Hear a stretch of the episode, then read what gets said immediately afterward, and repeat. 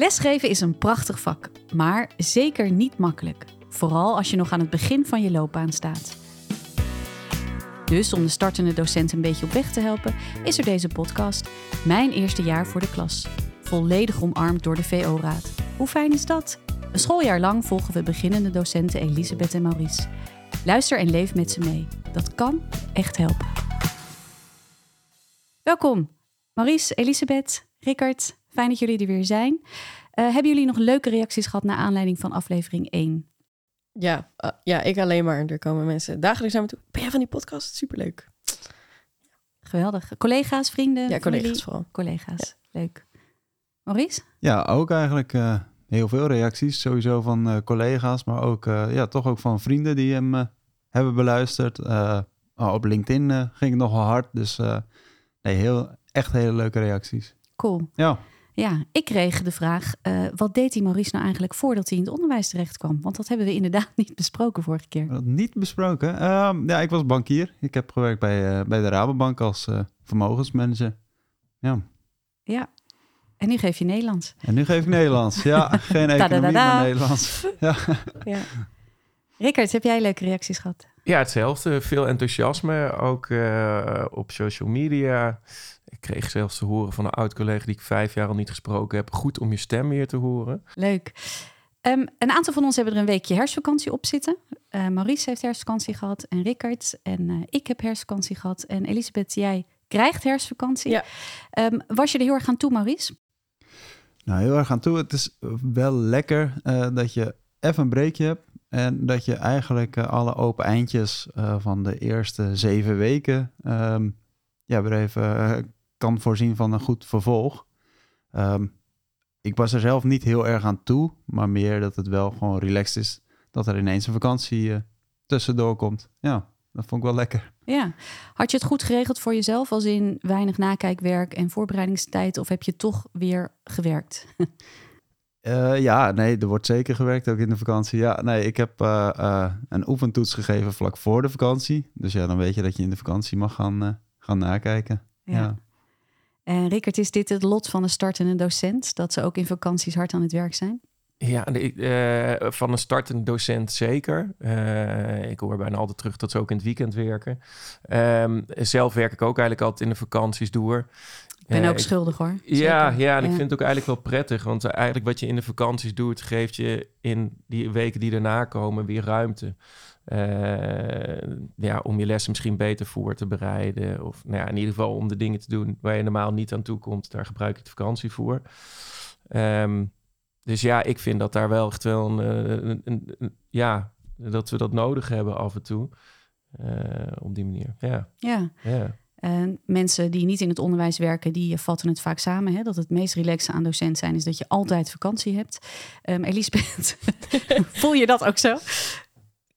Ja, het is fijn dat we veel vakantie hebben, maar ik denk ook wel dat ik inderdaad wat jullie zeggen, soms zit er, moet er gewoon een week tussen zitten dat je even kan ademhalen en dat je even kan resetten en denk, oké, wat heb ik nou eigenlijk gedaan? Want dat reflectiemoment, dat is ook wel echt heel belangrijk en die mis ik heel vaak als ik gewoon weken bezig ben.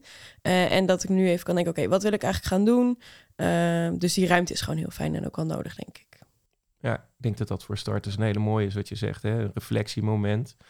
Uh, dingen die je allemaal hebt gedaan en die aan de lopende band eigenlijk alleen maar doorgaan, waar ja. je helemaal niet stil bij staat. Dan heb je een vakantie om dat heel uh, goed te doen, volgens mij. En om dat vervolgens weer beter te gaan doen. Ja. Klinkt goed, ja.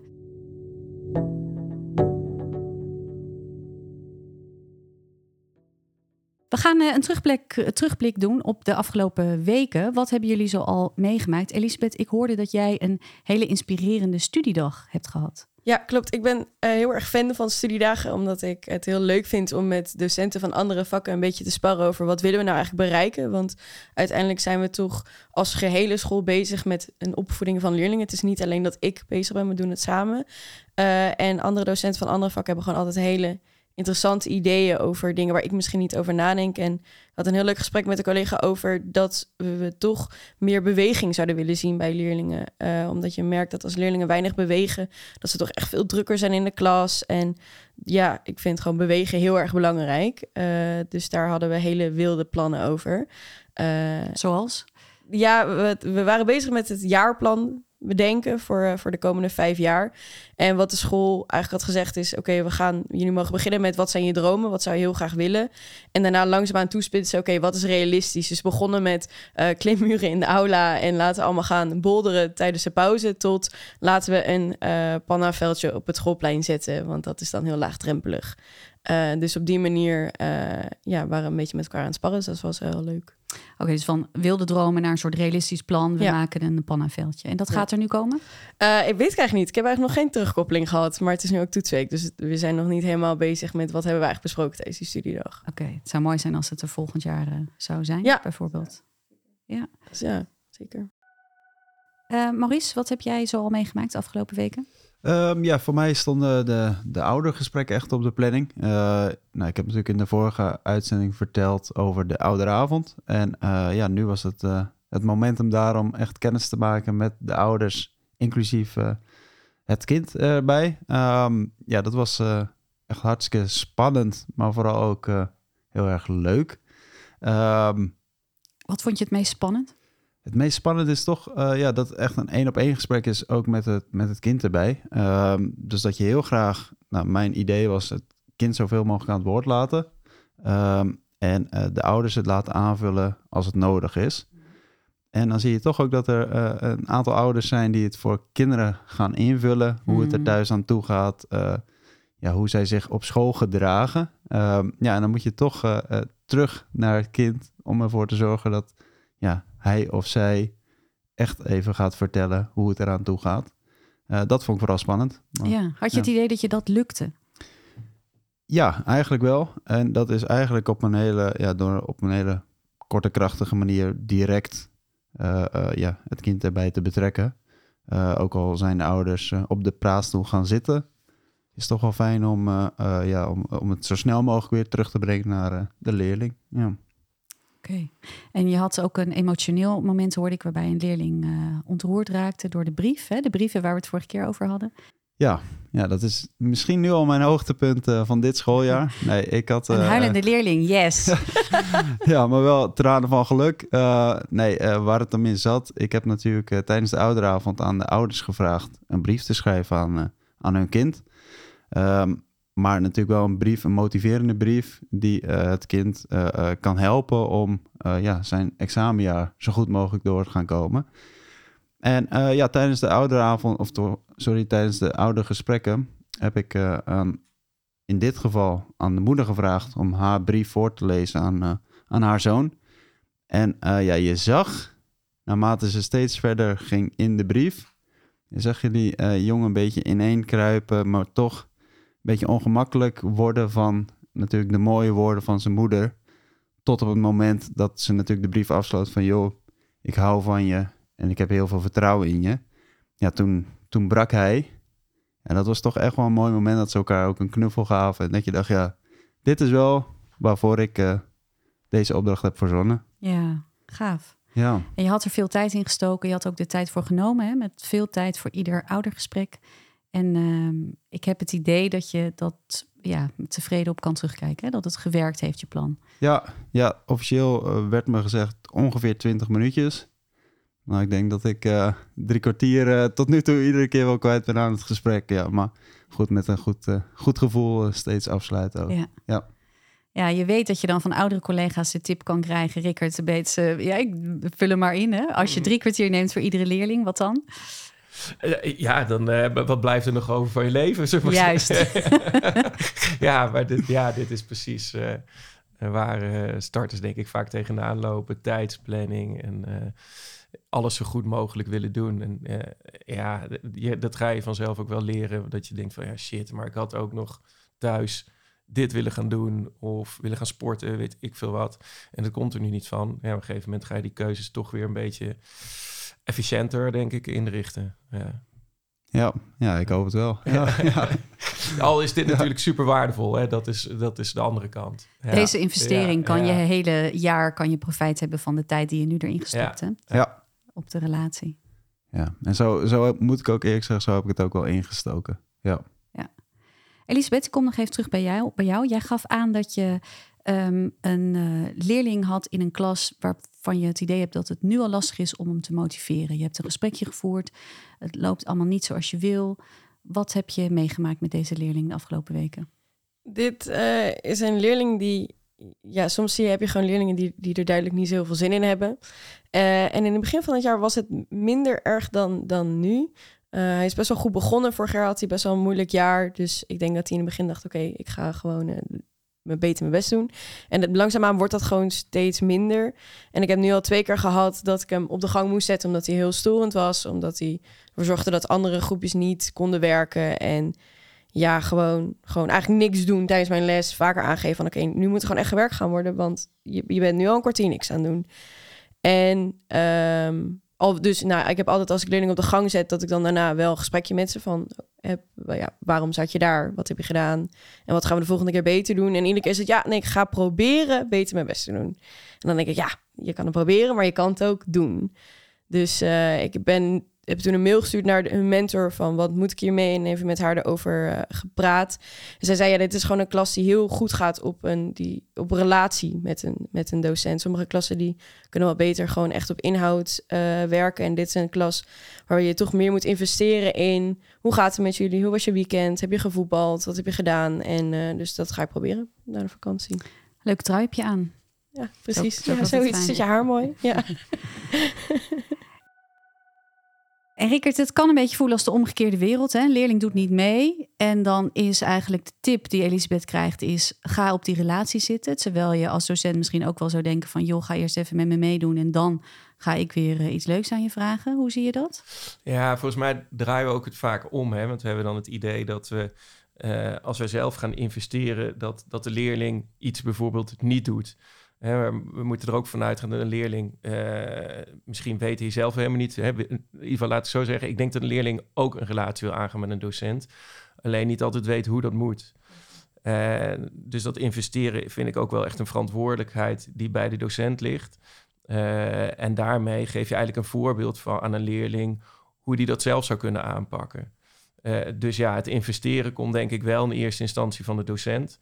Uh, en daarmee moeten we niet aannemen dat een leerling niet een relatie wil met een docent. Ja.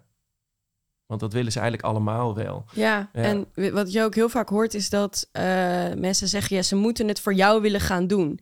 En aan de ene kant ben ik daar heel erg mee eens... want je hebt een relatie met die klas en ik werk voor hun en zij werken voor mij. Maar aan de andere kant denk ik, ja, je moet het ook voor jezelf doen, toch? Zeg maar, je hoeft het niet alleen voor mij te doen. Het is jouw, jouw school, jouw eindexamen die je straks moet doen. Dus dat, dat voelt soms ook een beetje krom of zo. Dus het is een beetje dubbel. Mooi dilemma is dat. Ja. Dus die intrinsieke motivatie is soms wel... Uh, nou ja, ver te zoeken bij pubers, denk ik nog. Er zijn er maar een minimaal aantal die dat echt heeft. Dus dan voelt het al heel snel dat ze het voor jou moeten doen. Ja. ja. En je hebt al zoveel gewonnen als ze het voor jou doen. Ja, precies. Dan is het fijn als intrinsieke Iedere motivatie pakken, bij komt. Ja. Uh, Maurice, jij had uh, de, uh, ook zo'n beroemd berucht dingetje. Een magister... Ehm, je, je had een magisterfoutje. Vertel. Een magisterfoutje, ja. Ik had een oefentoets ingepland. Um, maar ik had hem bij uh, een magister gewoon onder uh, de noemer huiswerk geschreven. Dus niet aangemerkt als toets. Oei. Uh, ja, kijk, ik had het van tevoren gezegd. Van leer, ja, ga, ga gewoon leren. Weet dat er een oefentoets aan zit te komen.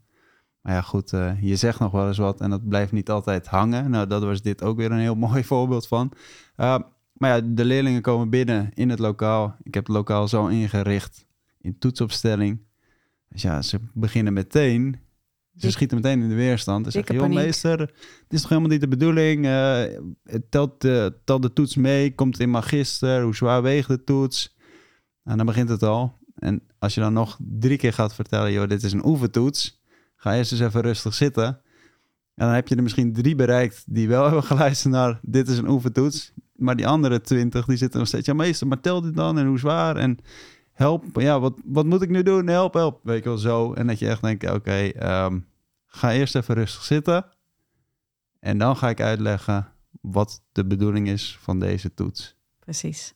En hoe, hoe ga je dit een volgende keer anders doen? Um, ja, of het echt uh, nog veel beter uh, van tevoren aangeven dat, uh, dat een oefentoets is. Um, maar ik ben eigenlijk ook wel even benieuwd naar de tips uh, vanuit jullie kant hoe ik dit het beste kan, uh, kan aanvliegen. Ja, nou ja, volgens mij wat je zegt, hè, dus de aankondiging in magister, die is al altijd heel belangrijk voor leerlingen. En daar, ja, ik weet niet wat voor regels jullie hebben op school. Is magister leidend of niet? Uh, mogen onverwachte toetsen of niet? Ja, ergens, en als een oefentoets is, ja, dan is het belangrijk denk dat je hem duidelijk aangeeft, denk ik, voor. Ja. Ja, als die niet meetelt, mag die volgens mij altijd, in ieder geval zo kijken wij er altijd naar. Ja. En dan uh, is het juist een hele goede oefening voor die leerling om een beetje met de spanning om te gaan. Ja. Ja, ja. ja kijk, magister is wel leidend. Um, ja, en ik had inderdaad ook het idee, ja, het is een oefentoets. Dus ik ga hem ook niet als, als SO uh, aanmerken, zeg maar, in, uh, in magister. Want volgens mij moet je dan echt uh, de resultaten zeker in magister opschrijven. En dat was eigenlijk helemaal niet mijn insteek. Ik had laatst ook een, een soort oefentoets gedaan. En ik had uh, er echt een heel big deal van gemaakt. Van oké, ik wil dat jullie nu allemaal je agenda open doen. Jullie gaan allemaal die datum erin schrijven. En uh, iedere week gezegd: Oké, volgende week is die uh, toets. Dus op een gegeven moment was die toets er. En ik had het toen, volgens mij, best wel laat weer zo'n reminder maar gisteren gezet van: Jongens, niet vergeten. En toen zei er één leerling van: Ja, nou, mevrouw, dat was helemaal onnodig. Want die had het zo vaak gezegd. Ja, als iemand het niet weet, dan is het echt hun eigen probleem. Toen dacht ik: Oké, ja, misschien, misschien is dat de manier van gewoon. Uh, echt een big deal van maken. Ik wil nu dat jullie dat opschrijven in je agenda. Zet het nu in je telefoon. En dan iedere week herhalen. Ja. ja. en ik zou ook zeggen, wat, wat, is het doel van je oefentoets? Die moet, dat moet ze ook duidelijk voor ze zijn. Ja. Hey, is dat een, een formatief? Of is het er wel overvallen en leren omgaan met die stress? Ja, daar kun je uh, allemaal uh, van tevoren over nadenken. Ja, dat is toch ook een mooie ja, bijvangst. Ja. Dat dit ook uh, proces is van leren omgaan met stress en onverwachte toetsen. Ja, het zal niet de laatste zijn die ze onverwacht krijgen. Zeker niet. Nee. Nou, het is een mooi bruggetje, jongens, naar uh, het thema van deze maand: het klassenmanagement. Het is natuurlijk het grote thema binnen ons beroep, klassenmanagement. De manier waarop een docent zijn onderwijs organiseert. En het omvat alle maatregelen die een docent neemt om een ideaal leer- en werkklimaat te creëren. Het gaat dus onder andere over de regels, maar ook aspecten als klasinrichting, klasinhoud, methode, instructie, de manier van werken, de relatie tussen docenten en leerlingen. En bijvoorbeeld vragen als hoe zorg je ervoor dat de klas goed naar je luistert, zodat er een prettig leerklimaat ontstaat? En wanneer geef je straf en wanneer juist niet? En uh, is je daarbinnen zelfs nog ruimte voor differentiatie? En Elisabeth, jij gaf in aflevering 1 aan dat dat klassenmanagement eigenlijk wel je grootste uitdaging is. Ja. Kun je het nog even toelichten? Um, ja, ik vind het heel moeilijk uh, om een klas die, die, heel druk is of heel van het kletsen is, om die dan st ja, stil te krijgen, zeg maar, ervoor te zorgen dat ze echt naar me luisteren.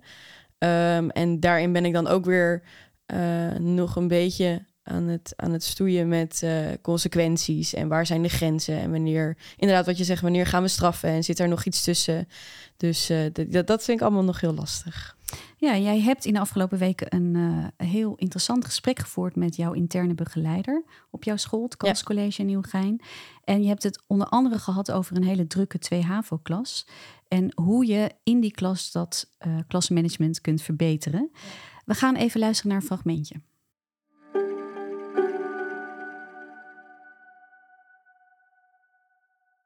En je noemt dan klassenmanagement. Je zegt als ik een duidelijke instructie geef, gaat het klassenmanagement mee. Ja. Wat bedoel je dan? Nou, omdat op het moment dat als de structuur heel duidelijk is van de les, dan is er voor de leerlingen ook weinig, nou ja, wat jij zei, dan kunnen ze weinig ruis maken. Want dan is het allemaal voor ze duidelijk. Dus dan is niet het moment dat die leerlingen aan de slag gaan eigenlijk allemaal zeggen, snap niet, snap niet, snap niet. Uh, wat ja, gebeurt er? precies. Dat heb je eruit. Waardoor dus eigenlijk leerlingen nou, heel goed weten wat je van ze verwacht en dat ze daar gewoon mee aan de slag kunnen. Ja, dus eigenlijk is je goede instructie, is het klasse, is het Ja. Oké, okay. dus, dus eigenlijk zegt hij, uh, goede instructie is al min of meer de helft van je klassenmanagement. Ja. Mee eens? Ja, ik denk het wel, want ik denk dat er uh, wat ik noemde het nu ruis, zo noemde hij het ook. Maar er zit er heel vaak ruimte in je lessen dat je een overgang hebt naar instructie, van instructie naar zelfwerken. Of van instructie naar oké, nu tafels bij elkaar schrijven en we gaan nu in groepjes werken. En op het moment dat je die ruis eigenlijk, of die overgangen zo uh, strak mogelijk houdt van oké, dit verwacht ik van jullie en niet meer, niets meer, niets minder. Dan hou je dat er een beetje, ja, hou je die chaos eruit. En dan wordt je klassenmanagement wordt wat makkelijker. Dus ik heb nu ook uh, vaak als ik wil dat de leerlingen in groepjes werken, dat ik de klas al klaarzet in groepjes voordat de leerlingen binnenkomen. Waardoor ik dat moment van instructie naar we gaan nu werken in groepjes, dan is er niet nog een onderdeel waar ze in tafels moeten schuiven en ik loop alle kanten op. Ja, dus Je, haalt eigenlijk wat ruis er al uit. Ja, ja je, je schoont hem wat op. Ja. Rickert, mogen we jouw uh, visie hierop? Ja, dit klinkt wel perfect bijna hoor. En als je het hoort, zoals die voorbereiding, hè, dus je neemt van tevoren al de tijd. Ik zie dat heel vaak niet gebeuren. Dan een docent stipt op de bel binnenkomt en dan nog met zijn voorbereiding gaat binnen. Ja, dan sta je eigenlijk al 1-0 achter. Hè, dus zorgen dat alles klaar zit. Nou, instructie die gewoon ja, ja, voor de helft van de, hè, van de les belangrijk is, zeg je, of uh, voor het succes van de les.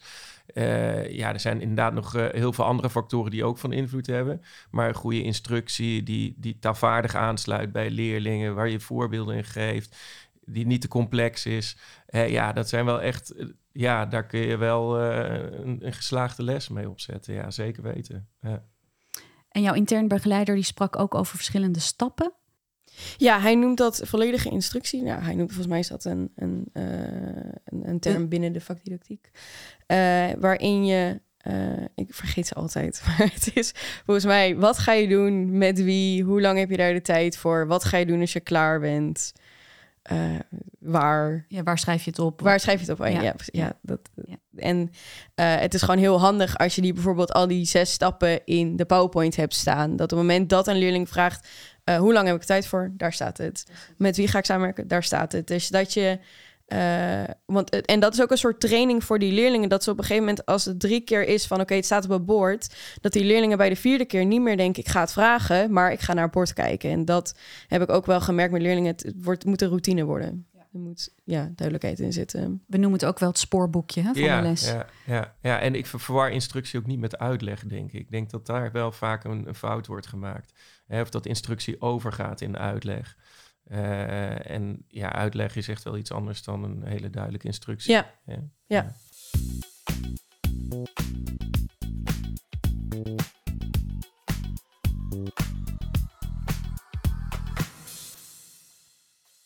Maurice, jij gaf aan dat uh, jouw lessen snel uh, te gezellig worden.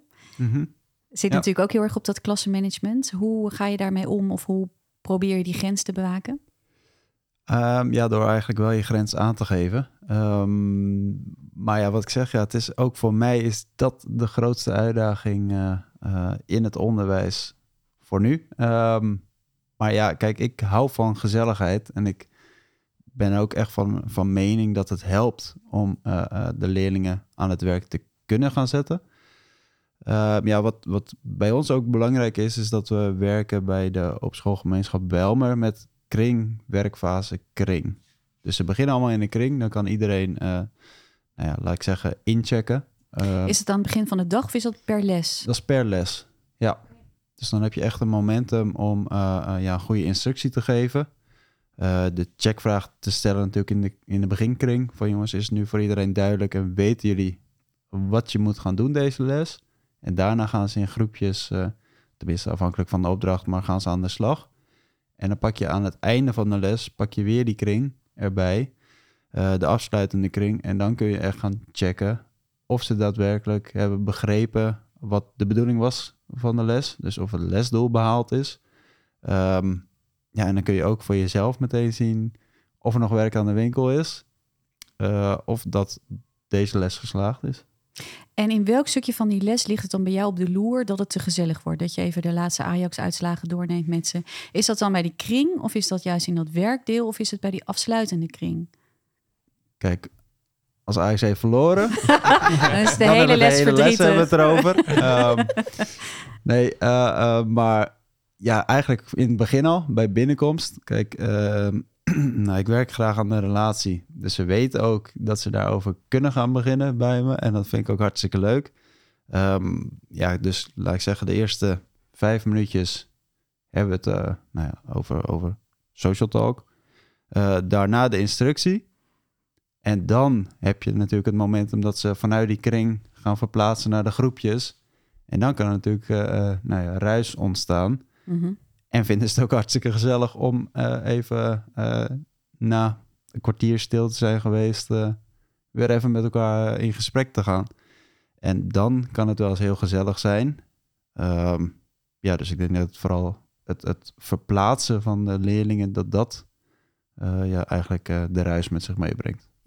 En heb je al in de afgelopen weken iets gedaan waarvan je dacht: hé, hey, als ik dit zeg of als ik dit doe, of non-verbale communicatie, dan gaat dat transitiemoment van kring naar werken soepeler?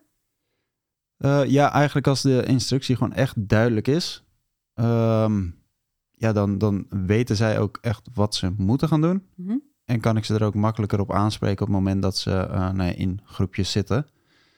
Um, ja, dan is die ruis eigenlijk al weggenomen. En uh, ja, vanuit mijn studie heb je natuurlijk ook, uh, nou, je krijgt veel begeleiding als het gaat om interactie. En dan wordt er ook ingezoomd op bijvoorbeeld jouw rol als docent. Dat die heel anders is dan kan zijn, laat ik zo zeggen, dan de persoon die je bent. En ik heb dus inderdaad laatst ook een keer uh, uh, nou ja, mijn stem verheven. Om eens even te kijken wat dat gaat doen. Ja, dat was een dingetje, maar het werkte wel. um, dus ja, toen ging ze daarna wel weer lekker aan de slag. Um, dus ja, ook op die manier probeer je gewoon probeer je eens wat uit. Ja. ja. Het is gewoon en... acteerwerk eigenlijk. Hè? Het is af en toe echt wel acteren, ja. Ja, zeker. Ja. ja, want jij noemde het ook al dat je even de docent gaat spelen. Ja, ja. Dus ja, nee, het is uh, een stukje acteerwerk, maar uh, op die manier kwam ik er wel achter dat, ja, kijk of het echt bij me past. Misschien als ik het vaker doe, um, maar uh, ja, het werkte in ieder geval wel. Iemand zei tegen mij van als docent ben je schrijver, acteur en regisseur. Dat vond ik een hele mooie. Ja. ja. Meer dan twintig jaar geleden gaf mijn hele fijne, lieve stagebegeleider mij de tip. Kijk, er is één verschil tussen jou en mij. Ik speel tot ik boos ben en jij bent boos. Dus eerder in dat punt moet je dus al spelen dat je boos bent. Onder andere door bijvoorbeeld die stem te verheffen. Ja, ja. ja. Rickert, zowel Elisabeth als Maurice geven dus aan dat die echt die verplaatsmomenten, hè, of die, of die uh, momenten waarin je van instructie naar werken gaat, dat zijn de gevaarlijke uh, tijden in een les. heb je nog andere gouden tips wat je dan in kunt zetten, zodat die soepeler verlopen? je hebt ook docenten die bijvoorbeeld een signaal gebruiken. Hè. Dat kan zijn een hand opsteken. dat kan zijn gewoon stil gaan staan voor de klas of juist gaan zitten ja, dat is iets wat je zelf zeg maar iets, iets voor moet kiezen. Um, uh, ik zie wel dat bijvoorbeeld die handopsteek wordt heel veel gebruikt en die werkt ook heel vaak, want die is heel zichtbaar. Elisabeth en Maurice, hebben jullie hiermee geëxperimenteerd? Zachter gaan praten als er veel gepraat wordt door leerlingen of juist harder gaan praten? Uh, ik het ligt heel erg aan de klas, denk ik ook, wat, uh, wat werkt en wat niet werkt. Uh, ik heb bij één klas dat ik zeg, oké, ik tel tot vijf en dan wil ik dat jullie stil zijn. En dan, nou, bij twee zijn ze nog allemaal praat ik zo, jongens, we nou bij twee. Opletten. En bij andere uh, klassen zeg ik, oké, okay, ik ga nu beginnen. En dan wacht ik. En dan zie je wel langzaamaan dat ze stil worden. Bij andere groepen zeg ik gewoon allemaal namen van leerlingen die nog aan de praat zijn. Van, nee, luister, ik wil ook tegen jou gaan praten. Jij hoort ook bij iedereen. Je zit, dat wisselt heel erg. En uh, zet je je stem wel eens aan? Bulder je wel eens? Schreeuw je wel eens? Ja, ik heb ook al, ik heb al een leerling gezien die zo zijn vingers in zijn oren deed. oh, sorry. ja. Want was het succesvol als je ging schreeuwen? Hielp het? Uh, soms. Ja. Som, ja. soms. Maurice, wat heb jij allemaal ingezet? Um, Eén keer ja, je stem verheft? Sowieso, ja, inderdaad. Um, maar ja, ook namen noemen. Gewoon van uh, degene die aan het praten zijn. Uh, stilzitten. Maar dat is puur gewoon een experiment voor mezelf om eens te kijken wat dat, uh, wat dat doet. Nou, ik ben er niet zo'n fan van. Um, omdat ik uh, eigenlijk wat, wat, ja, wat Rickert ook zegt, een signaal dat zichtbaar is, uh, werkt denk ik dan beter. Heb ik nog niet gedaan. Uh, maar ja, eigenlijk is het ook wel eens gewoon beginnen met praten als de leerlingen ook aan het praten zijn. En um, ja, ze dan een keer uit te gaan dagen om te herhalen wat ik heb gezegd. Om ze op die manier toch een beetje voor het blok te zetten. Mm, ja. Maar ja, eigenlijk die, ja. die manieren. Ook echt een beroemde. Hè? Wil je even teruggeven wat ik net zei? De namen noemen inderdaad, die kan ook. Ja, we noemen net een paar keer uh, dat, dat uh, ordevragen van een klas namen noemen is. En waar ik dan wel benieuwd naar ben uh, en iets waar ik vaak tegenaan loop... is dat ik bijvoorbeeld drie keer dezelfde naam van een leerling moet noemen. En dat ik eigenlijk nog niet zo heel goed weet waar die grens nou ligt. Dus ik ben wel heel benieuwd hoe Rickert, hoe jij erover denkt? Ja, het flauwe van mij is nu om de vraag terug te stellen... waar vind jij dat de grens ligt? Hè? Dus ja, ik, ik vind bijvoorbeeld echt heel irritant... als ik een leerling drie keer zeg maar moet aanspreken... voordat hij überhaupt mij aankijkt. Ik kan, ja. daar, kan daar heel slecht tegen. Ja. Hè? Dus ik heb, maak dan een afspraak daarover met die leerling. Ja, eigenlijk wil ik gewoon dat je bij de eerste keer reageert. Ja. Hè? En doe je dat niet, ja, dan ga, kan ik niet verder met de les... En dan ga je even buiten staan. En dat is niet te uitsturen. Hè? Dat, dat, dat, dat, klinkt heel zwaar. Ja. Hè? Maar gewoon even zeggen van ja, eh, nu blokkeer je de les volledig. Hè? En ik vind het ook gewoon heel onprettig dat je me niet aankijkt. Ja. Hè? Voel me daardoor niet serieus genomen of hè, zo zou je het kunnen noemen. Ja. Maak het misschien wel erg groot mee. Hè? Eh, maar je kan hem wel even apart zetten. Of, ja, ja. Eh, ik voel me soms ook wel eens genegeerd door leerlingen. Dat ik dan een naam Ja. noem en dat die leerling dan niet reageert. En dan weet ik ook echt niet wat ik moet. Want soms vraag ik me echt af, heb je me serieus niet gehoord? ja. Of besluit je nu gewoon om je oren dicht te doen? Dat vind ik wel een lastige. Ja, ja. Ehm, nou, ik denk dat een leerling je sowieso niet negeert. Ik denk dat hij vooral met hele andere dingen bezig is. En dat, dat is ook wel wat de puber is. Dus eh, ik zou het vooral niet persoonlijk nemen. Eh, maar ik zou het gedrag wel afkeuren. Ja. Ja. ja.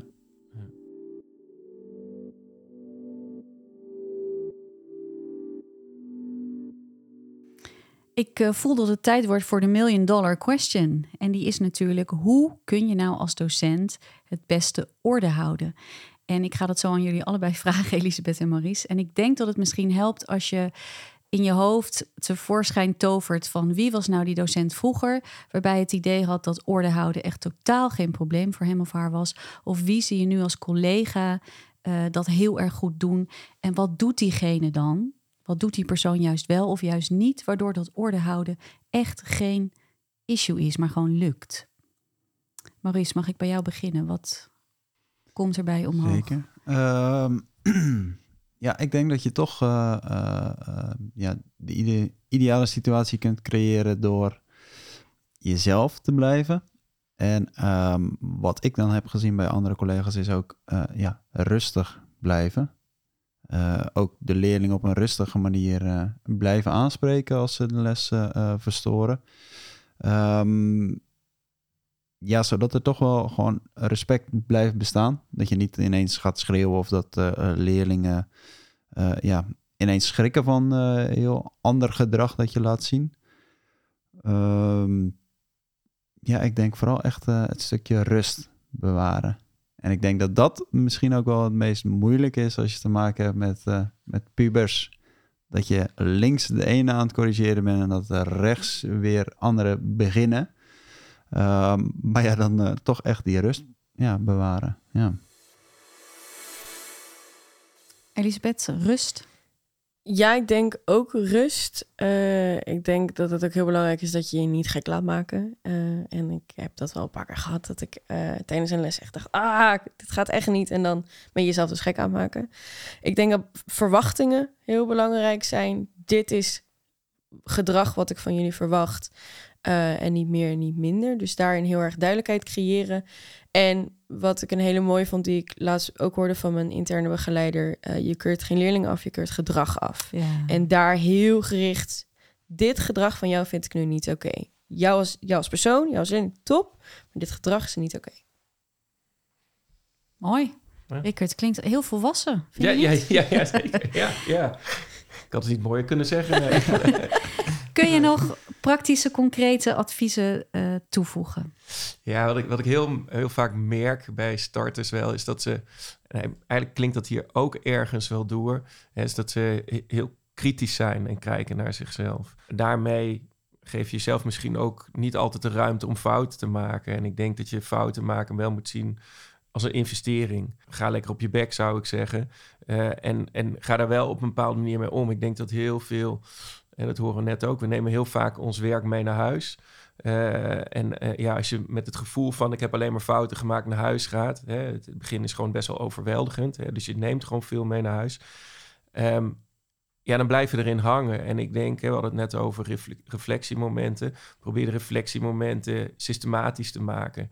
Hè, dus niet als, ja, het klinkt heel hard of, lastig misschien, om het emotionele los te koppelen door er gewoon een, een reflectiemethode op uh, bij te gebruiken. En dan ga je er misschien minder persoonlijk mee in en dan ga je er denk ik, ja, misschien professioneel, ik weet niet of dat het juiste woord is, naar kijken, maar meer vanuit je professie. En hè, over je huis mee naar werk nemen. Of je werk mee naar huis nemen. Mhm. Allebei leuk. Ja, uh, uh, ja ik denk dat heel veel, heel veel docenten, starters... Uh, op thuis op de bank neerploffen, kapot zijn... en daarin blijven hangen ook af en toe in die fouten. ik zou echt bedenken van ga sporten, ga iets doen, hè, hobby's. pak dat op, hè, sluit die dag af... en ga ja, weet ik veel waar je, waar je zin van hebt en waar je van houdt. Ik denk dat dat heel erg helpt. Ja, ga je zinnen verzetten. Ja, ja, ja, En dus vooral oefen, oefen met fouten maken. Wees niet bang om fouten te maken. Zeker. Ja. Mooi.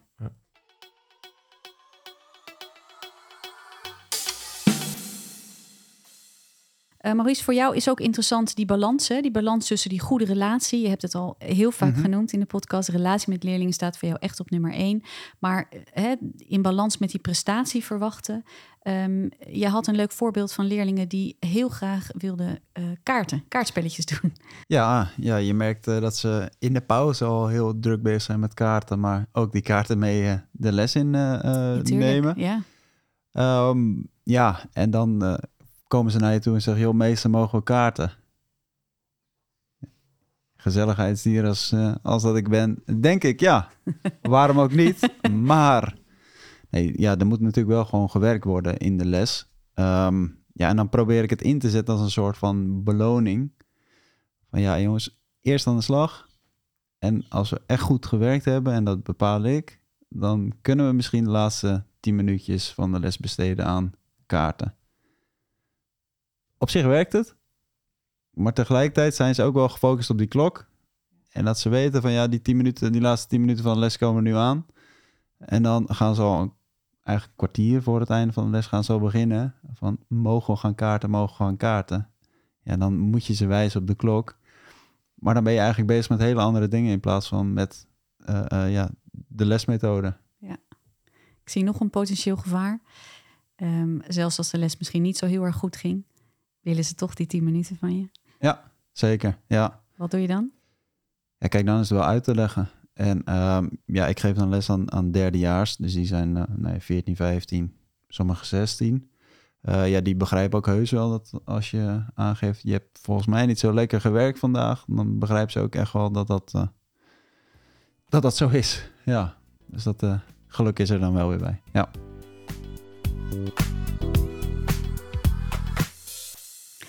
Voordat we verder gaan met dit allesomvattende grote onderwerp binnen het onderwijs, behandelen we eerst enkele vragen van de luisteraar. Want er zijn er een paar binnengekomen naar, aanleiding van aflevering 1. En um, ja, Rickert, we gaan natuurlijk aan jou vragen. Um, wat uh, kunnen we zeggen op deze vragen? Maar we gaan allemaal lekker even meedenken. We gaan luisteren naar een vraag van Esther Vermeulen.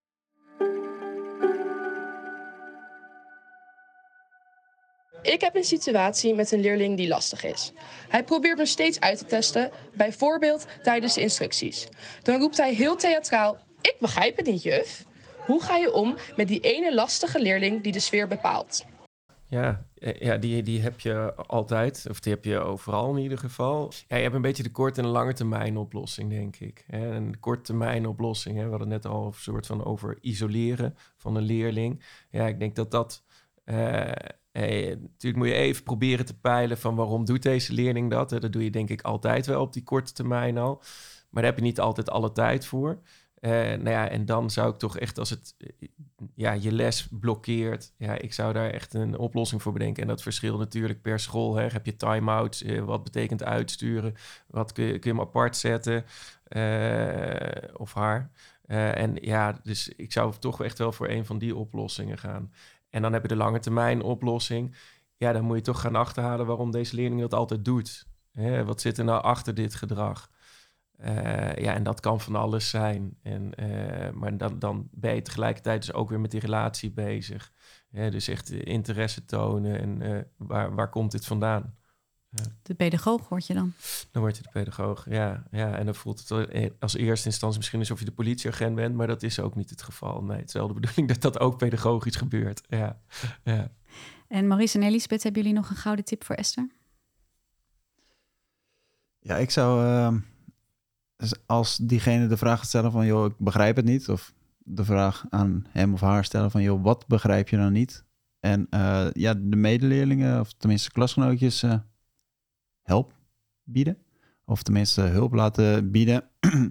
um, maar ik denk inderdaad vooral ook dat je daarna die leerling wel even apart moet nemen om te vragen ja, waar het hem nou in zit. En dat je dan zeg maar op het pedagogische werkveld uh, terechtkomt. Ja, het is hele mooi wat je zegt. En als de vraag echt daadwerkelijk is van ik begrijp het niet van die leerling. En het klinkt een beetje sarcastisch. Je kan hem ook heel makkelijk misschien nog parkeren met van oké, ik kom het zo even bij je uitleggen.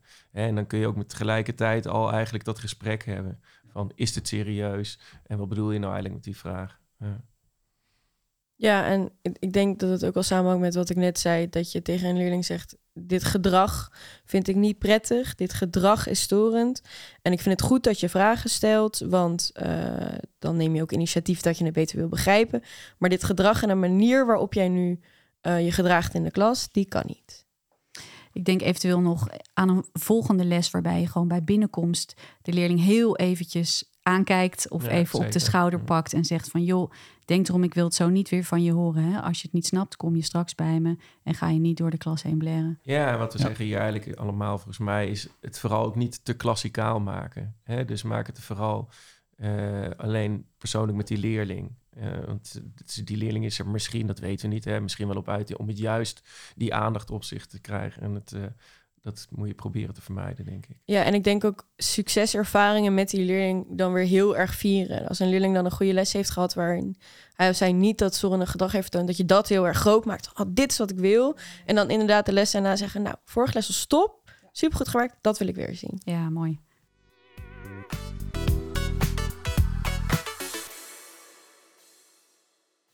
We hebben nog een vraag binnengekregen van Wouter de.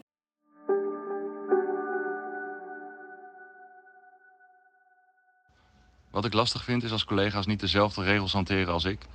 Zo had ik laatst een leerling die te laat was. Ik zeg dan, ga maar een briefje halen bij de afdelingsleider. Maar dan komt er een heel verhaal over een collega van wie je niet meteen een briefje hoeft te halen. Hoe ga je om met collega's die het niet altijd even nauw nemen met de regels? Ja, dit is heel herkenbaar, denk ja. ik.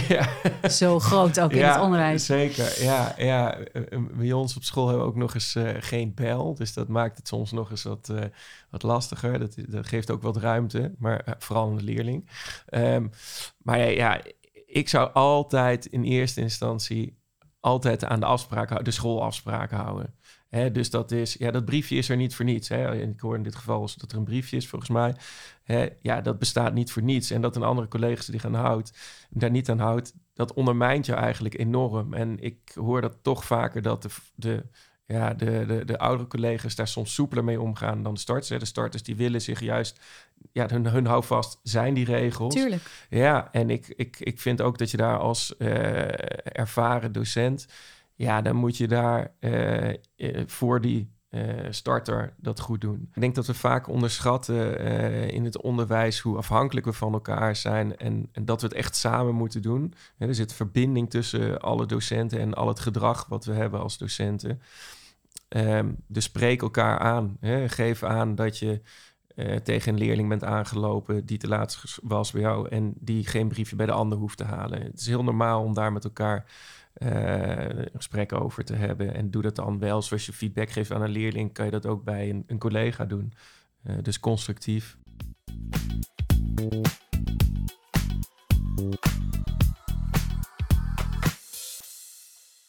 Dank Esther en Wouter voor jullie interessante vragen. Echt heel leuk als luisteraars meedoen. Dus ben je zelf docent of startend docent of ben je nog in opleiding? Mail dan gerust je vragen naar ons. Het mag echt van alles zijn binnen het voortgezet onderwijs. Je mag je mailtje sturen naar redactie@nextepisode.audio. Ik herhaal redactie@nextepisode.audio. En wie weet behandelen we jouw vraag eind november in de volgende aflevering van Mijn eerste jaar voor de klas. Overigens, vind jij deze podcast interessant? Abonneer je dan in jouw podcast-app. Dan hoef je geen aflevering meer te missen. Gaan we nu verder met het hoofdthema van deze aflevering: klassenmanagement. We hebben het al gehad over een klas met een enkele lastige leerling erin, maar er is ook nog het fenomeen lastige klas. En geloof me, hoe lang je ook voor de klas staat, altijd is er die ene lastige klas. Maurice, Welke klas denk jij nu aan? Nee, zeg het maar niet. nee, maar het is wel, uh, het is wel echt heel erg herkenbaar, ja. Ja, dat er één klas is waar het gewoon harder werken is dan uh, bij de andere. Ja. En dan gaat de bel en dan weet je, oh, daar komen ze weer. Wat gebeurt er dan met je? Hoe voel je je dan? Uh, dat vind ik een hele goede vraag, want ook daar heb je natuurlijk al over nagedacht. Um, maar ja, nee, dat, dat is niet uh, mijn insteek. Nee, ik probeer ze altijd met open armen te ontvangen. Um, dan misschien toch weer meer die rol spelen, het acteren. Um, maar wel, uh, ja, kijk, ergens in je achterhoofd heb je dat stemmetje van daar zijn ze. Maar aan de andere kant, ja, de woorden die je daadwerkelijk gaat uitspreken, is heel fijn dat je er weer bent. En we gaan er weer tegenaan met z'n allen vandaag. Heel goed, heel professioneel. Elisabeth, denk je ook, oh, daar komen ze weer? Ja, en ik, ik, merk het ook fysiek, want ik krijg een hele droge mond. Als ik aan het les aan het geven ben aan een klas die ik moeilijk vind, dan denk ik, oh, waar is mijn water? Uh, dus uh, dat, dat merk ik heel erg. Maar ik heb ook inderdaad heel erg wat Maurice heeft van... iedere les begin je gewoon weer opnieuw. Iedere les krijgen jullie een kans. Uh, ik accepteer jullie zoals jullie zijn. Dus het is goed dat jullie er zijn. Ja, mooi. Rickert, kun je iets toevoegen? Nou ja, eh, ook, ook herkenbaar voor mij. Jij zegt het zelf ook. Ja, het is altijd wel één klas in het jaar. Ja, ik heb dit jaar heel weinig klassen, dus dan valt dat mee. Maar er zit bijna altijd wel eentje tussen waarvan je denkt... oké, hoe gaan we het vandaag doen? en dat uh, is eigenlijk al in de lesvoorbereiding. En dat is ook wel op het moment dat die les gaat beginnen. Ja, dat fysiek kan dat tot uiting zelfs komen.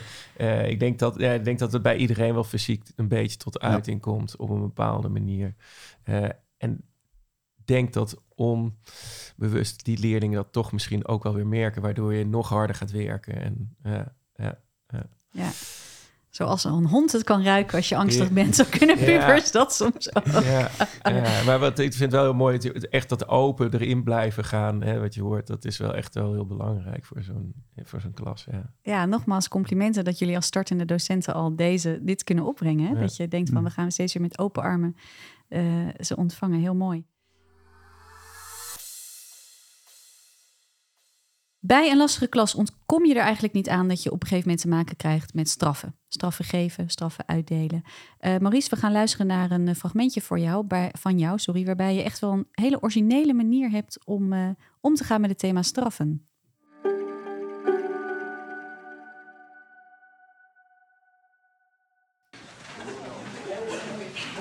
Oké, okay. gaan we hier wat vragen over beantwoorden. Je mag één keer een hulplijn inzetten. Als het allebei niet weet. En nu geen excuses meer. Dan moet je tien keer opdrukken. Dat is het easy. Daar gaan we. Meisjes niet. Ja, ja meisjes niet. Zo meisjes Ik kan keer opdrukken. Zo, drill instructor Maurice. Ja. Wat, wat hoorden we hier? Wat gebeurde er? Uh, ja, dit is uh, de sportklas. En uh, ja, we hebben met z'n allen een tekst gelezen. En eh, nou, we zijn bezig met onderdeel tekstbegrip. En we gaan nog wat vragen behandelen over de tekst. En ehm, ja, ik denk ik moet iets anders doen dan, dan anders. En ik heb zoiets van, nou ja, opdrukken kunnen ze volgens mij allemaal wel. Althans, de jongens, de meisjes hoorde je, die, die dachten van niet. Uh, maar ik had vooral zoiets van, ja, we gaan het uh, anders doen. En ik wil iedereen op scherp zetten dat als je het antwoord niet weet, ja, dan ben je gewoon aan de beurt. Heel simpel. Oké. Okay. Ja, origineel ja. was het zeker. Ja. Hoe reageerden ze? Hoe vonden ze het leuk? Deden ze mee? Ja, zeker. Ze doen, ze doen zeker mee en ze vinden het ook echt leuk. Um, ja, ik heb er wel over nagedacht over de inzet ervan. dat ik het eigenlijk de volgende les, als ik het nog een keer ga doen, aan het einde van de les pas uh, laten doen. Want ik had het ze nu tussendoor laten doen. ja, dan, dan, komt er toch weer iets te veel ruis in het lokaal. Um, kijk, het ziet er leuk uit en je hebt weer wat om met elkaar over te praten daarna. Maar ja, qua werk weet ik niet of het, of het nou het doel heeft bereikt wat ik wilde. Hoeveel moesten er zich opdrukken? Het waren er drie. Dus het viel eigenlijk best mee. Um, maar ja, vooral de eerste als je de eerste bent die moet, ja, dan uh, weet de rest ook, oké, nu uh, moet ik ook echt. Ja. Dus dan zijn ze net wat scherper.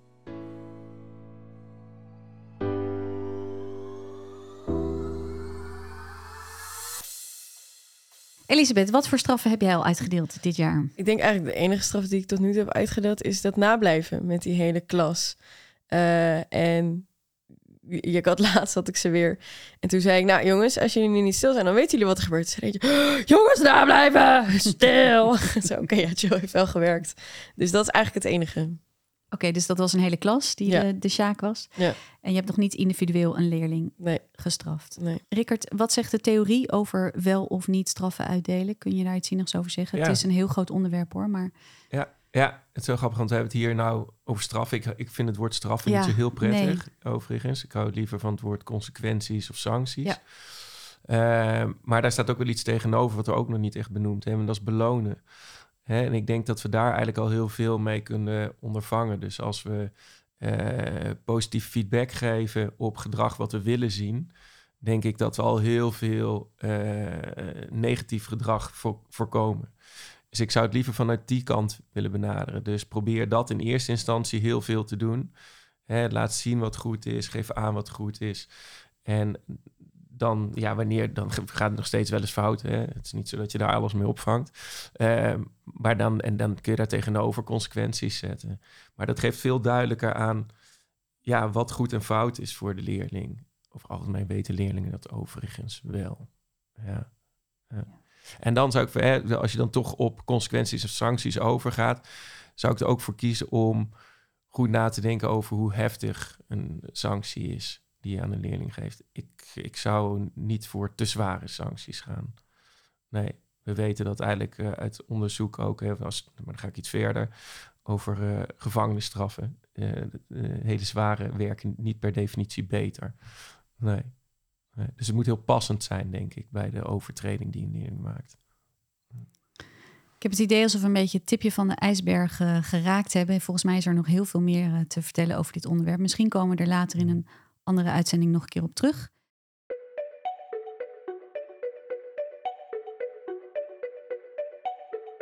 We gaan nu een beetje richting het einde. Maar niet voordat we even gaan kijken met jullie wat er de komende weken, Maurice en Elisabeth, op jullie agenda staat.